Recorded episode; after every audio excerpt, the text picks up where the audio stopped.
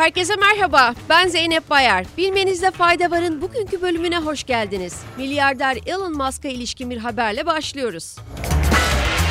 Çin Dışişleri Bakanı Qin Gang, Amerikalı iş insanı Elon Musk ile Pekin'de yaptığı görüşmede Çin'in dışa açılma politikasına bağlı kalmayı sürdüreceğini ve bu doğrultuda tüm dünyadan şirketlerin yatırımlarına açık olduğunun altını çizdi.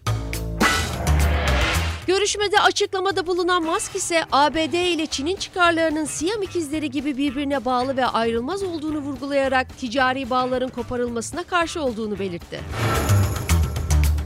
Hatırlayacağınız üzere Musk'ın sahibi olduğu Tesla Nisan ayında Çin'in Şangay şehrinde Megapack fabrikasını kuracağını duyurmuştu. Şangay'daki yılda 1 milyon elektrikli otomobil üretebilen Giga fabrikasını 450 bin ilave kapasiteyle genişletmeyi hedefleyen şirketin Megapack adı verilen enerji depolama ünitelerinin üretimi için büyük ölçekli bir tesis kurmayı planladığı biliniyor.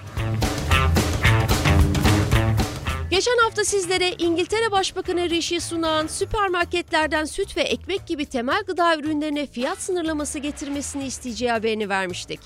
Bu plana ilişkin yeni bir gelişme oldu. Gelin haberin detaylarını birlikte inceleyelim.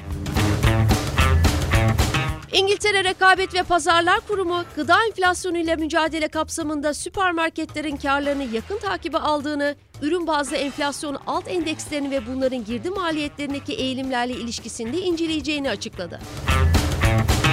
Haziran sonuna kadar incelemelerini tamamlayacak olan kurum, Temmuz sonunda tüketicilerin fiyatlar konusunda bilgi sahibi olmasına yardımcı olmak amacıyla ürün ve birim bazı maliyetleri içeren bir rapor açıklayacağını duyurdu.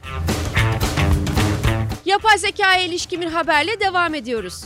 ABD'de San Francisco merkezli Yapay Zeka Güvenliği Merkezi, yapay zekanın insanlık için oluşturduğu tehlikelere yönelik uyarıda bulundu. Bildiride yapay zeka kaynaklı riskleri azaltmanın küresel bir öncelik olması gerektiği vurgulandı. Bildiriyi imzalayan yüzlerce isim arasında ChatGPT'nin yaratıcısı OpenAI'nin CEO'su Sam Altman ve yapay zekanın babası olarak adlandırılan bilim insanı Jeffrey Hilton da yer aldı. Axiom Space şirketinin seferiyle uzaya giden 4 astronot 9 günlük görevi tamamlayarak dünyaya geri döndü. Astronotları taşıyan kapsülün Türkiye saatiyle sabah 6'da Florida'ya indiği açıklandı. Eski NASA astronotu Peggy Wilson'ın önderlik ettiği 4 kişilik mürettebatın içinde Suudi Arabistan'ın ilk kadın astronotu da yer alıyordu. Bilmenizde fayda varın bugünkü bölümünün sonuna geldik. Sağlık ve mutlulukla kalın.